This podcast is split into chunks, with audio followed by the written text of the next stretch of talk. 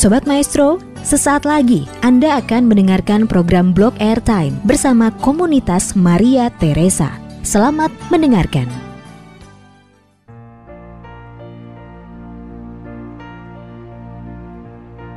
Shalom Sobat Maestro yang terkasih dalam Tuhan Yesus Kristus. Selamat berjumpa kembali dengan saya Mikaela Mimi dalam program acara Komunitas Maria Teresa. Sebelum saya menyampaikan tema hari ini yang berjudul Iman yang Hidup, marilah kita terlebih dahulu berdoa. Dalam nama Bapa dan Putra dan Roh Kudus. Amin. Tuhan Yesus yang baik, berkenanlah mengutus Roh Kudusmu untuk menghidupkan pewartaan ini, agar mereka yang mendengarkan dan saya yang menyampaikan memperoleh pencerahan hati dan pikiran, penuh sukacita dan damai-Mu demi kemuliaan namamu dan keselamatan banyak orang. Amin. Dalam nama Bapa dan Putra dan Roh Kudus. Amin. Sobat Maestro yang terkasih, tema kita kali ini diambil dari Yakobus 2 ayat 14 sampai dengan 26. Mari kita mendengarkan firman Tuhan berikut ini. Apakah gunanya, saudara-saudaraku, jika seorang mengatakan, bahwa ia mempunyai iman, padahal ia tidak mempunyai perbuatan. Dapatkah iman itu menyelamatkan dia? Jika seorang saudara atau saudari tidak mempunyai pakaian dan kekurangan makanan sehari-hari, dan seorang dari antara kamu berkata, "Selamat jalan, kenakanlah kain panas dan makanlah sampai kenyang." Tetapi ia tidak memberikan kepadanya apa yang perlu bagi tubuhnya. Apakah gunanya itu? Demikian juga halnya dengan iman. Jika iman itu tidak disertai perbuatan, maka iman itu pada hakikatnya adalah mati. Tetapi mungkin ada orang berkata, "Padamu ada iman, dan padaku ada perbuatan." Aku akan menjawab dia, "Tunjukkanlah kepadaku imanmu itu tanpa perbuatan, dan aku akan menunjukkan kepadamu imanku dari perbuatan-perbuatanku. Engkau percaya bahwa hanya ada satu Allah saja? Itu baik.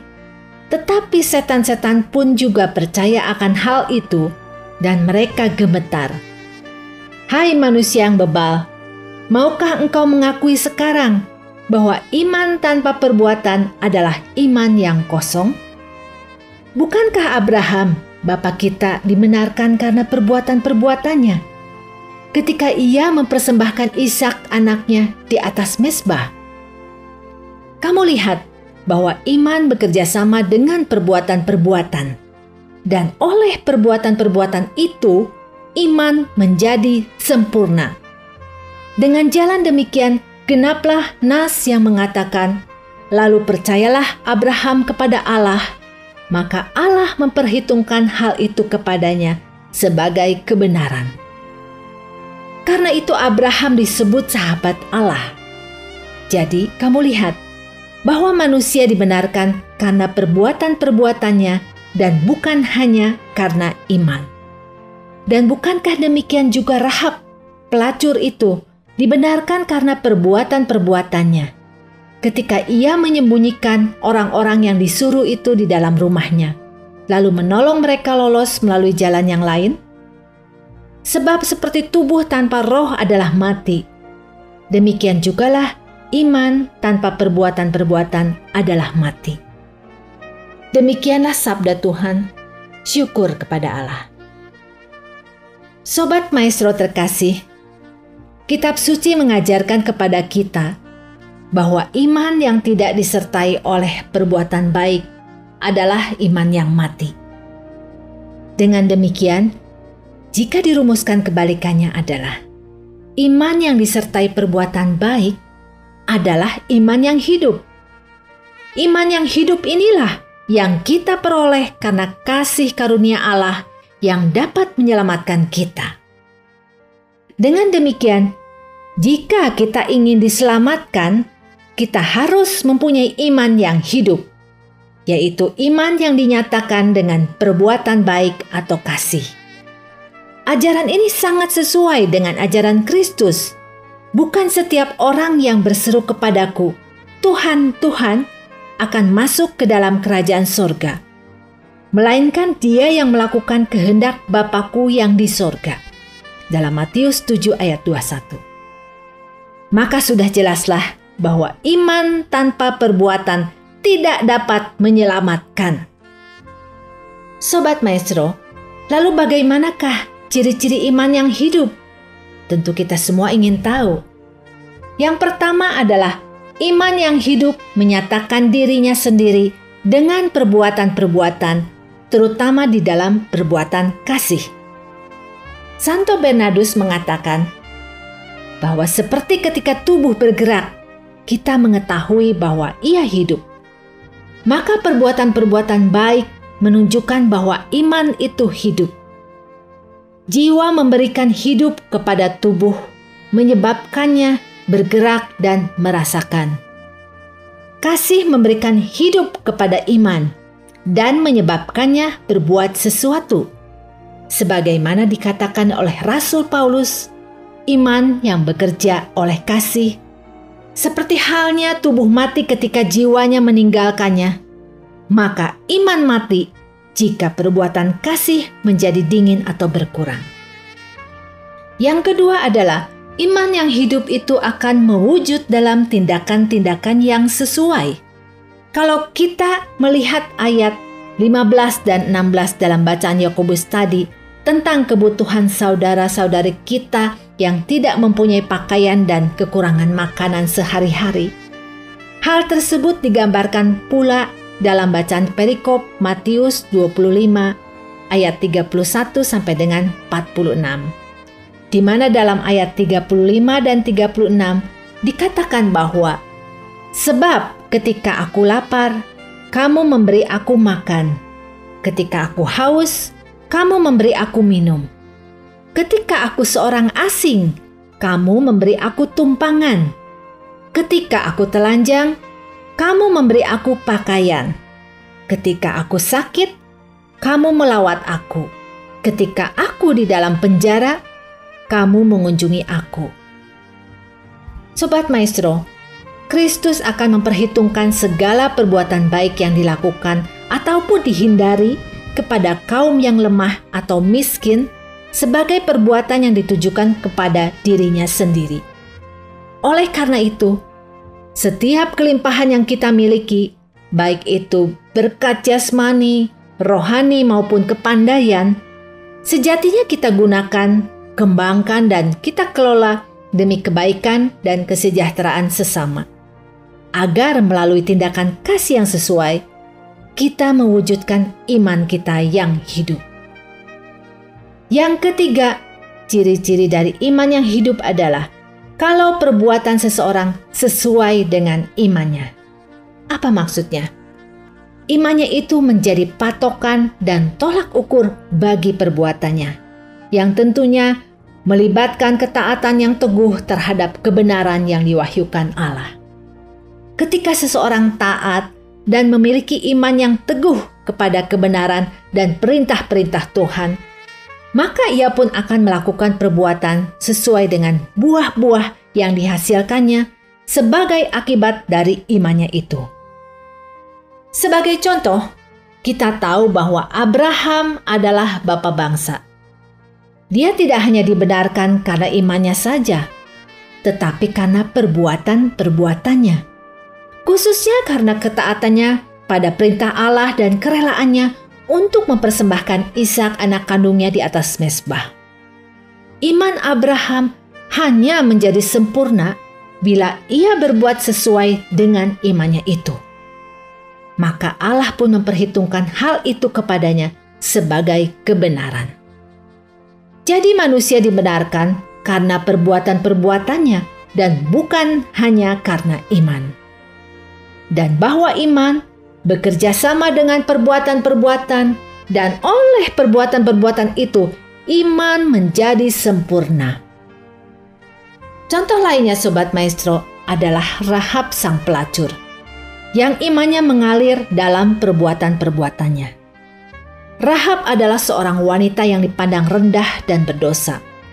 Menurut penafsiran Yahudi, dia sudah melacurkan diri selama 40 tahun, yaitu sejak masih berusia 10 tahun. Rahab dibenarkan karena perbuatan-perbuatannya. Ketika ia menyembunyikan orang-orang yang disuruh sebagai utusan umat Allah atau para pengintai Israel dalam rumahnya, lalu menolong mereka lolos melalui jalan yang lain. Rahab menunjukkan diri sebagai seorang yang ramah kepada orang asing atau orang yang membutuhkan dengan memberinya makanan, pakaian, tempat berteduh. Ia juga merupakan contoh orang yang bertindak dalam kasih dengan meneladankan apa yang sebelumnya dikatakan Yakobus, yaitu memberi perhatian kepada para janda dan yatim piatu. Rahab juga menjadi model bagi jemaat Kristen. Bagaimana seharusnya komunitas Kristen menerima perwakilan jemaat. Ciri yang keempat iman yang hidup adalah tidak dalam keadaan dosa berat yang mengakibatkan imannya mati. Orang yang imannya mati tidak berada dalam rahmat Tuhan. Ia tidak mempunyai kasih, sebab kasih adalah jiwa dari segala kebajikan lainnya. Tanpa kasih, iman itu sia-sia. Dan iman tanpa harapan dan kasih tidaklah menyatukan kita dengan Kristus. Nah, sobat maestro yang terkasih, itulah keempat hal daripada ciri-ciri iman yang hidup. Santo Thomas Aquinas mengatakan, kebenaran iman melibatkan tidak saja kepercayaan di dalam hati, tetapi juga pengungkapan keluar yang diekspresikan tidak saja dengan pernyataan iman seseorang, tetapi juga dengan perbuatan-perbuatan yang melaluinya orang itu menunjukkan imannya. Semoga kita dapat senantiasa menghidupi iman kita dalam perbuatan kita sehari-hari. Yang oleh berkat rahmat Kristus yang istimewa, kita menanggapi rahmat itu dengan pikiran, perkataan, dan perbuatan kita agar kita pun diselamatkan. Amin. Marilah kita berdoa. Dalam nama Bapa dan Putra dan Roh Kudus. Amin. Allah Bapa di surga, terima kasih atas kehadiran Roh Kudusmu yang mencerahkan hati dan pikiran kami semua. Bimbinglah kami agar kami dapat memiliki iman yang hidup, yang kami nyatakan melalui tindakan kasih dalam kehidupan kami sehari-hari. Berilah kami kekuatan untuk senantiasa hidup dalam rahmat-Mu dan menanggapi rahmat yang Kau curahkan dengan pikiran, perkataan, dan perbuatan kami, sehingga iman kami menjadi sempurna dan kami layak memperoleh keselamatan darimu. Doa ini kami panjatkan dengan pengantaran Yesus Kristus Putramu Tuhan kami, yang hidup dan berkuasa bersama engkau dalam persekutuan roh kudus, kini dan sepanjang segala masa. Amin. Dalam nama Bapa dan Putra dan Roh Kudus. Amin. Sobat Maestro pendengar komunitas Maria Teresa, terima kasih atas perhatian Anda. Apabila ada kritik, saran dan masukan, atau Anda berkenan berpartisipasi dalam pelayanan komunitas Maria Teresa, Silahkan menghubungi nomor 0812 2459 0914. Terima kasih, Tuhan Yesus memberkati.